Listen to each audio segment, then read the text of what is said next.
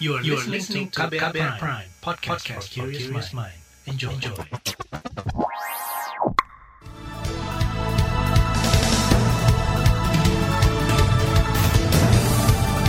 Selamat pagi saudara, kembali kami menyapa Anda dengan sejumlah informasi pilihan pagi hari ini di Buletin Pagi, edisi Senin 7 Desember 2020 bersama saya Eka Juli. Sejumlah informasi pilihan sudah kami siapkan, di antaranya, dana bansos di korupsi, Presiden instruksikan tutup celah terjadinya korupsi. Vaksin COVID-19 tiba di Indonesia. Puluhan ribu warga Aceh mengungsi karena banjir. Inilah Buletin Pagi selengkapnya. Terbaru di Buletin Pagi. Komisi Pemberantasan Korupsi menyebloskan Menteri Sosial Juliari Peter Batubara ke rumah tahanan KPK cabang Pomdam Jaya Guntur, Jakarta kemarin. Ia ditahan selama 20 hari ke depan demi kepentingan penyidikan. Juliari ditahan setelah ditetapkan tersangka dugaan korupsi bantuan sosial COVID-19. Politikus PDIP itu tidak banyak komentar sebelum dijebloskan ke penjara. Ia mengaku akan segera membuat surat pengunduran diri sebagai Menteri Sosial. Kasus dugaan korupsi bansos terungkap ketika KPK menangkap tangan sejumlah orang akhir pekan kemarin. Dalam penangkapan itu, KPK menyita uang lebih dari 14 miliar rupiah yang dimasukkan tujuh koper, tas ransel, dan amplop. Uang itu dalam bentuk pecahan mata uang rupiah, dolar Amerika, dan dolar Singapura. KPK menetapkan lima tersangka, yakni Menteri Sosial Juliari Batubara dan dua pejabat pembuat komitmen Kemensos, yaitu Matius Joko Santoso dan Adi Wahyono sebagai penerima, sedangkan dua orang lain sebagai pemberi, yaitu Ardian IM dan Hari Sidabuke dari swasta. Kelima orang ini ditahan KPK.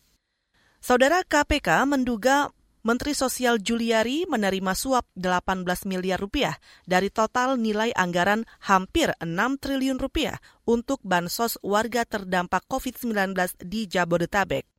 Ketua KPK Firly Bahuri menyebut ada periode pertama uang yang terkumpul 8,2 miliar rupiah, sedangkan pada periode kedua sejak Oktober sampai Desember duit yang terkumpul 8,8 miliar rupiah. Untuk P tiap paket bansos disepakati oleh MJS dan AW sebesar Rp10.000 per paket sembako dari nilai Rp300.000 per paket bantuan sosial. Selanjutnya, MJS dan AW pada bulan Mei sampai dengan November 2020 dibuatkan kontrak pekerjaan dengan beberapa supplier sebagai rekanan, di antaranya AIM, Ketua KPK Firly Bahuri menambahkan, uang tersebut lantas dikelola Eko dan Selvi selaku orang kepercayaan Juliari.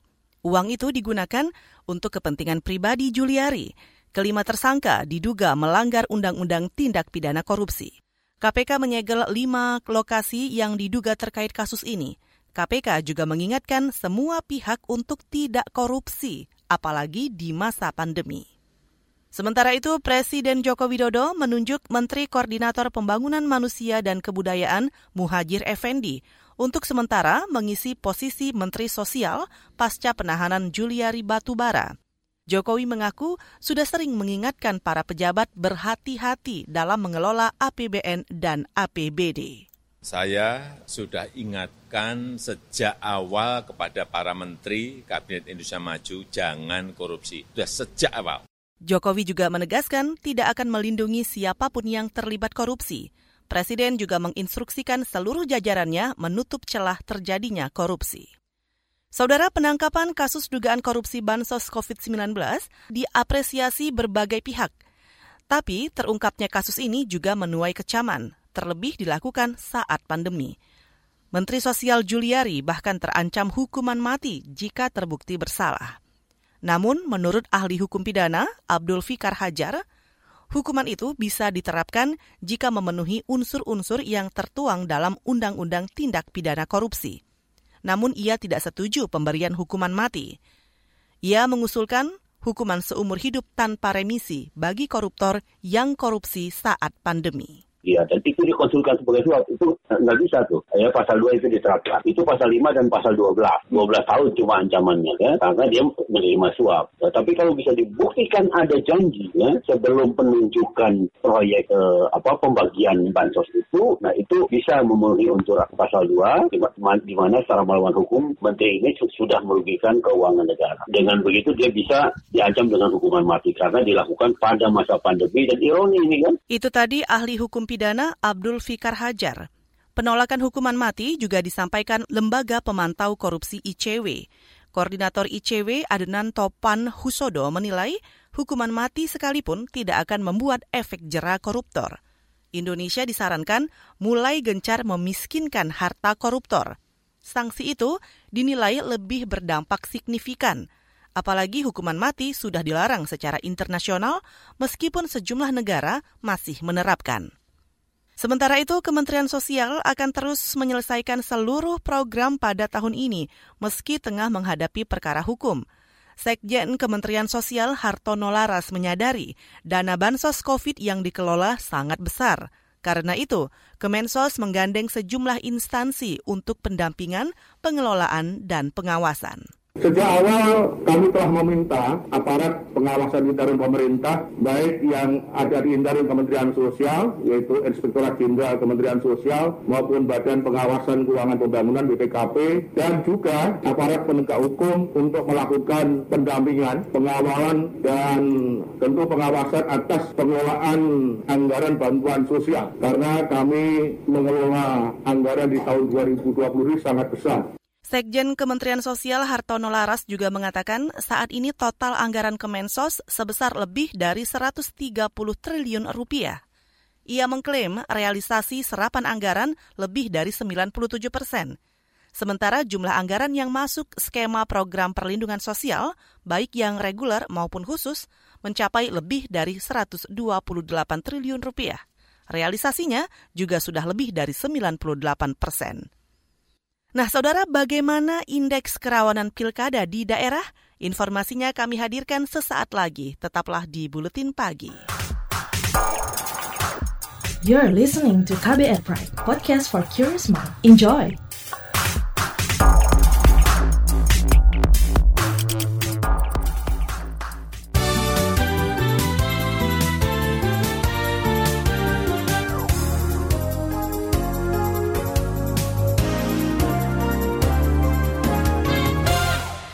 Anda sedang mendengarkan buletin pagi KBR. Saudara pesawat Garuda Indonesia yang mengangkut vaksin COVID-19 mendarat di Bandara Soekarno-Hatta tadi malam. Pesawat itu mengangkat 1,2 juta dosis vaksin virus corona buatan Sinovac dari Cina.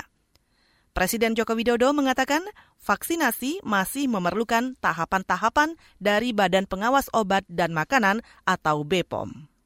Kita juga masih mengupayakan 1,8 juta dosis vaksin yang akan tiba di awal Januari 2021. Selain vaksin dalam bentuk jadi, dalam bulan ini juga akan tiba 15 juta dosis vaksin dan di bulan Januari sebanyak 30 juta dosis vaksin dalam bentuk bahan baku curah yang akan diproses lebih lanjut oleh Bio Farma. Presiden Jokowi juga menambahkan pertimbangan ilmiah dan hasil uji klinis akan menentukan kapan vaksinasi bisa dimulai. Presiden mengimbau masyarakat tetap disiplin menjalankan protokol kesehatan meski vaksin COVID sudah tersedia. Kemarin kasus harian positif COVID di Indonesia bertambah lebih dari 6.000 orang. Total ada lebih dari 575.000 kasus. Jumlah pasien meninggal bertambah 151 orang, sedangkan pasien sembuh bertambah lebih dari 4.000 orang. Sementara itu, saudara, Kementerian Kesehatan menetapkan enam jenis vaksin yang akan digunakan untuk vaksinasi COVID-19 di Indonesia. Keenam vaksin itu diproduksi oleh PT Bio Farma, AstraZeneca, China National Pharmaceutical Group Corporation atau Sinopharm, Moderna, Pfizer Inc., dan BioNTech, dan Sinovac Biotech. Penggunaan vaksin COVID hanya bisa dilakukan sesudah mendapat izin edar atau persetujuan penggunaan pada masa darurat dari Badan POM. Kita ke soal pilkada. Badan Pengawas Pemilu atau Bawaslu merilis indeks kerawanan pemilu di pilkada tahun ini. Hasilnya, tidak ada satupun daerah yang rendah tingkat kerawanannya. Komisioner Bawaslu Muhammad Afifuddin juga menyebut empat isu strategis terkait indeks kerawanan pilkada, yaitu isu hak pilih, penolakan pilkada karena COVID, politik uang, dan kendala jaringan internet untuk penggunaan aplikasi rekap elektronik KPU atau Sirekap. Kalau dari sisi secara umum, tidak ada daerah yang memiliki kerawanan rendah, baik di provinsi maupun kabupaten kota. Jadi tingkat kerawanan dari sisi scoring yang kita buat, semua daerah masuk kategori kalau tidak tinggi, sedang. Tidak ada kerawanan rendah. Terjadi peningkatan jumlah daerah dengan kerawanan tinggi pada semua isu. Misalnya aspek pandemi, aspek spesifik di pilkada kali ini. Dari 50 daerah menjadi 62 kabupaten kota. Artinya meningkat sebanyak 24 persen. Komisioner Bawaslu Muhammad Afifuddin juga mengatakan untuk aspek hak pilih ada lebih dari 130 kabupaten kota yang memiliki kerawanan tinggi, sedangkan untuk daerah dengan kerawanan tinggi terkait isu politik uang, jumlahnya 28 kabupaten kota. Sementara dari aspek kerawanan soal kendala jaringan internet, lebih dari 81 kabupaten kota. Kita ke soal pendidikan. Kementerian Pendidikan dan Kebudayaan diminta mengkaji ulang rencana pembelajaran tatap muka pada Januari tahun depan. Sebab menurut Dewan Pakar Federasi Serikat Guru Indonesia atau FSGI, Retno Listiarti, pembelajaran tatap muka bisa berdampak buruk bagi penambahan kasus baru COVID-19 jika kasus meningkat secara signifikan, harusnya pemerintah menunda dahulu buka sekolah tatap muka di bulan Januari, terutama di wilayah-wilayah pilkada ini yang memang angkanya nanti mungkin setelah inkubasi 14 hari akan terlihat kenaikannya, maka harusnya pemerintah pusat dan pemerintah daerah harus melindungi anak-anak ya peserta didik uh, ketika sekolah akan dibuka di 2021 pada bulan Januari. Ini harusnya menunggu dulu. Dewan Pakar FSGI Retno Listiarti mengingatkan penyebaran virus corona di klaster sekolah mulai terjadi di sejumlah daerah. Itu lantaran PSBB mulai dilonggarkan, sehingga mobilitas warga cukup tinggi. Beralih ke berita ekonomi, Lembaga Riset dan Analisa Fitch Solutions memperkirakan rupiah bakal melemah signifikan di sisa tahun ini – dalam laporan Asia Monthly Outlook edisi November, Fitch Solutions memprediksi rupiah akan berada di level 15.000 rupiah per dolar Amerika, melemah 6,5 persen dari level saat ini. Prediksi itu bahkan lebih lemah dari konsensus Oktober, yaitu 14.600 rupiah per dolar Amerika. Tapi, kalau penyebaran COVID-19 berhasil dikendalikan kembali, maka rupiah masih akan cukup perkasa. Kita ke mancanegara.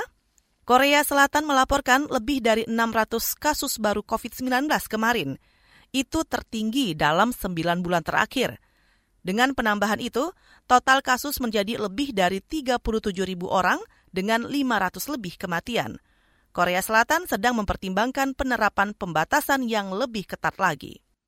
Di Malaysia, pemerintah setempat bakal memperpanjang kembali pergerakan warga di beberapa area hingga 20 Desember. Ini dilakukan untuk mengendalikan penularan virus corona. Mengutip antara news, saat ini total kasus COVID di negeri jiran itu mencapai lebih dari 70 ribu orang. Kita ke berita olahraga.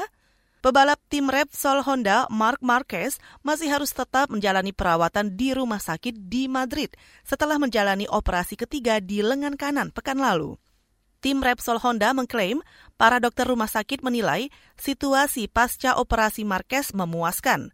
Pebalap Spanyol itu mengalami retak tulang pasca terjatuh di balapan pembuka musim di Jerez, Spanyol, Juli lalu. Dan dari lapangan hijau, saudara, Liverpool membantai Wolverhampton 4-0 pada laga pekan ke-12 Liga Inggris di Stadion Anfield dini hari tadi. Kemenangan ini membuat The Reds kembali naik ke posisi dua klasemen sementara di bawah Tottenham Hotspur. Kedua tim memperoleh poin sama, yakni 24, namun Hotspur unggul selisih gol. Hotspur sebelumnya mengalahkan Arsenal 2-0. Selanjutnya, kami hadirkan laporan khas KBR bertajuk Mengulik Wacana Penghapusan BBM Premium. Sesaat lagi, tetaplah di Buletin Pagi. You're listening to KBR Pride, podcast for curious mind. Enjoy!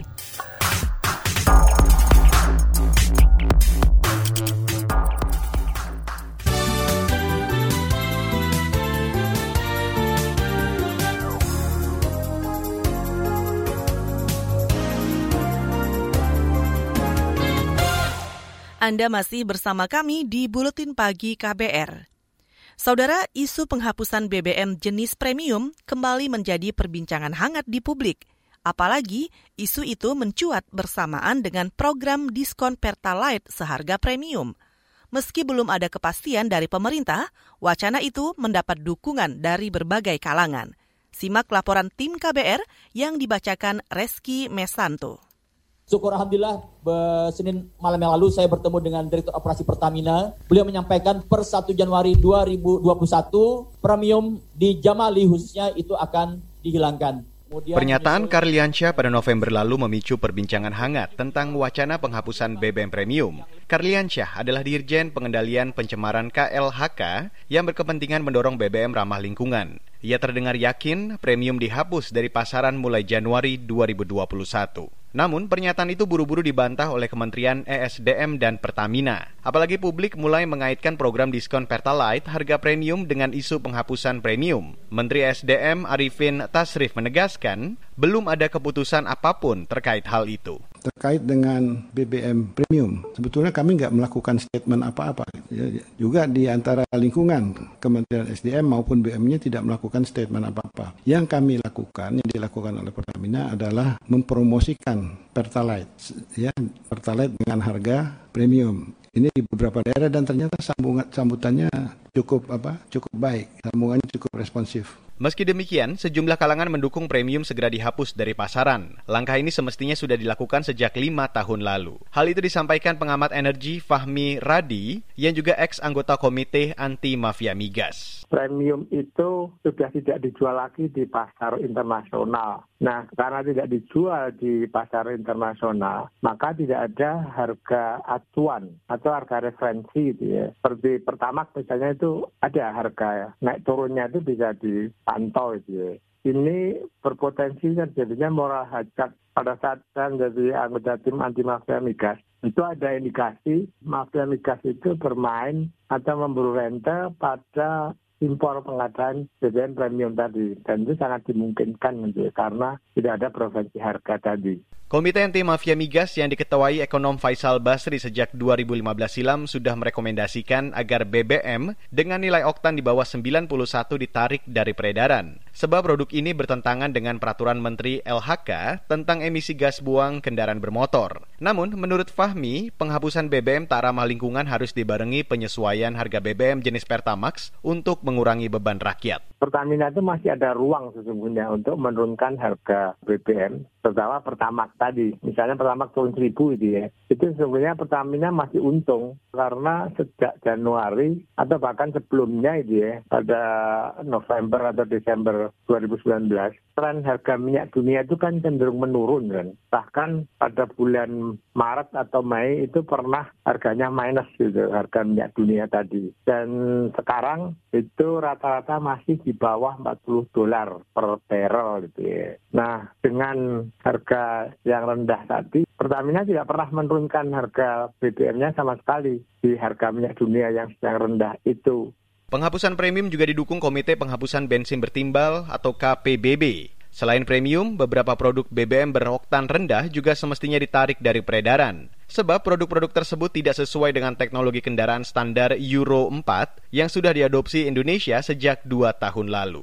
Direktur Eksekutif KPBB Ahmad Safrudin tidak hanya dengan premium dihapus itu sudah ada semacam kemauan untuk menuju ke sana. Tapi tidak cukup kan, tapi uh, Pertalite 90 juga harus dihapus, Solar 48 harus dihapus, kemudian Backlight 51 juga harus dihapus. Kalau pemerintah tetap mempertahankan keempat jenis bahan bakar tadi, katakan hanya menghapus yang premium 88, yang tiga lagi tidak dihapus, itu tetap saja uh, pemerintah dalam posisi melanggar peraturan perundangan. Safrudin menyebut pemerintah selama ini sudah melanggar sejumlah regulasi dengan tetap membiarkan BBM beroktan rendah di pasaran, seperti Undang-Undang tentang Lingkungan Hidup dan Peraturan tentang Pengendalian Pencemaran Udara.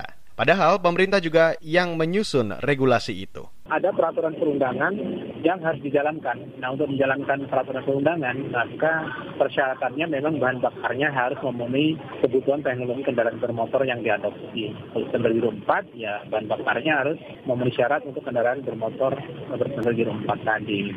BBM jenis premium dan Pertalite bahkan sudah tidak cocok untuk kendaraan standar Euro 2 yang sudah ada sejak 2007 silam. Penggunaan BBM dengan oktan rendah jelas merugikan masyarakat karena membuat mesin cepat rusak. Biaya perawatan pun tambah mahal dan penggunaan BBM makin boros. Selain itu, emisi gas buangnya bakal memperburuk polusi udara. Katakan seseorang membeli mobil pada tahun 2010 atau 2011 itu kan standar Euro 2. Itu saja sudah tidak bisa diisi dengan premium 88, Pertalite 90, nggak bisa. Jadi wajar kalau masyarakat banyak dirugikan karena harus sering membersihkan pistonnya akibat kekotoran karena menggunakan bahan bakar yang jelek tadi. Demikian laporan tim KBR, saya Reski Mesanto. Selanjutnya kami hadirkan informasi dari daerah. Tetaplah di Buletin Pagi. Commercial break. Commercial break. Commercial break. Anggota komunitas Be Home, Laras, memberi semangat kepada teman-teman Broken Home untuk berprestasi kalian tidak sendiri dan keluarga yang patah bukan berarti menghancurkan hidup kalian semua. Buktikanlah bahwa anak broken home itu juga berprestasi dan bisa berkembang sebagaimana layaknya anak-anak di luar sana karena untuk menjadi anak yang berprestasi atau sebagai anak yang dicap nakal itu tidak hanya dari anak broken home, anak dari keluarga yang utuh bahkan dalam keluarga yang utuh namun di dalamnya banyak konflik pun itu bisa menyebabkan nakalan remaja lah istilahnya. Simak obrolan selengkapnya dalam podcast Disco, diskusi psikologi dalam episode Ketika Rumah Bukan Tempat Ramah di kbrprime.id dan platform mendengar podcast lainnya.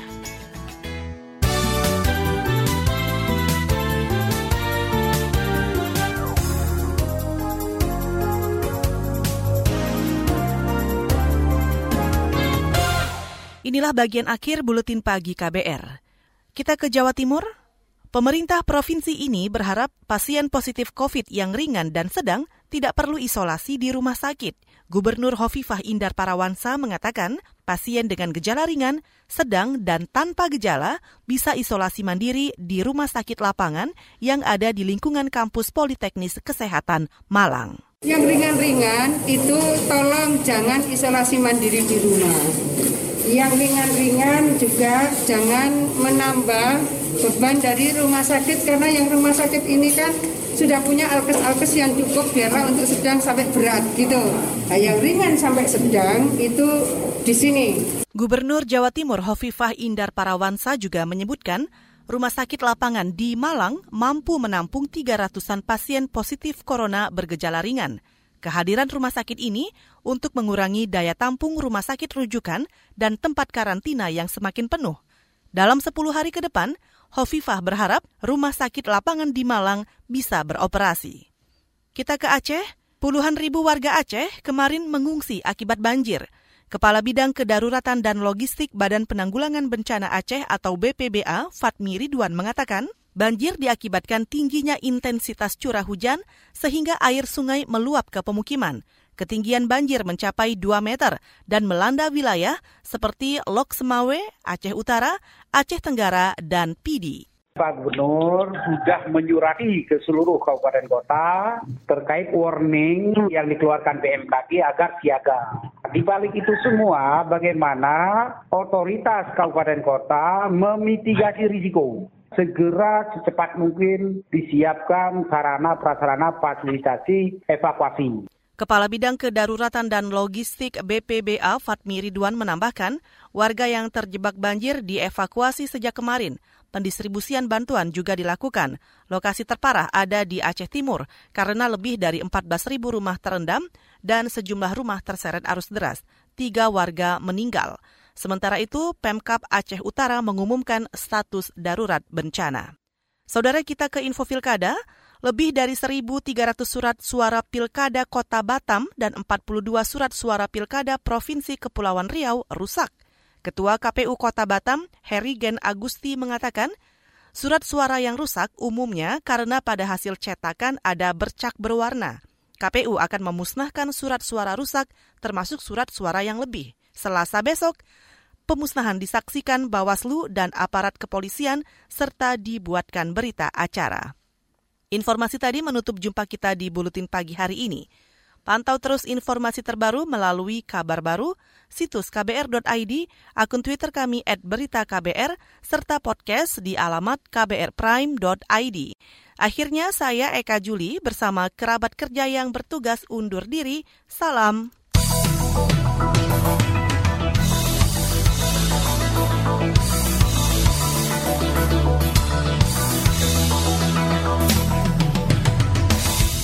KBR Prime, cara asik mendengar berita.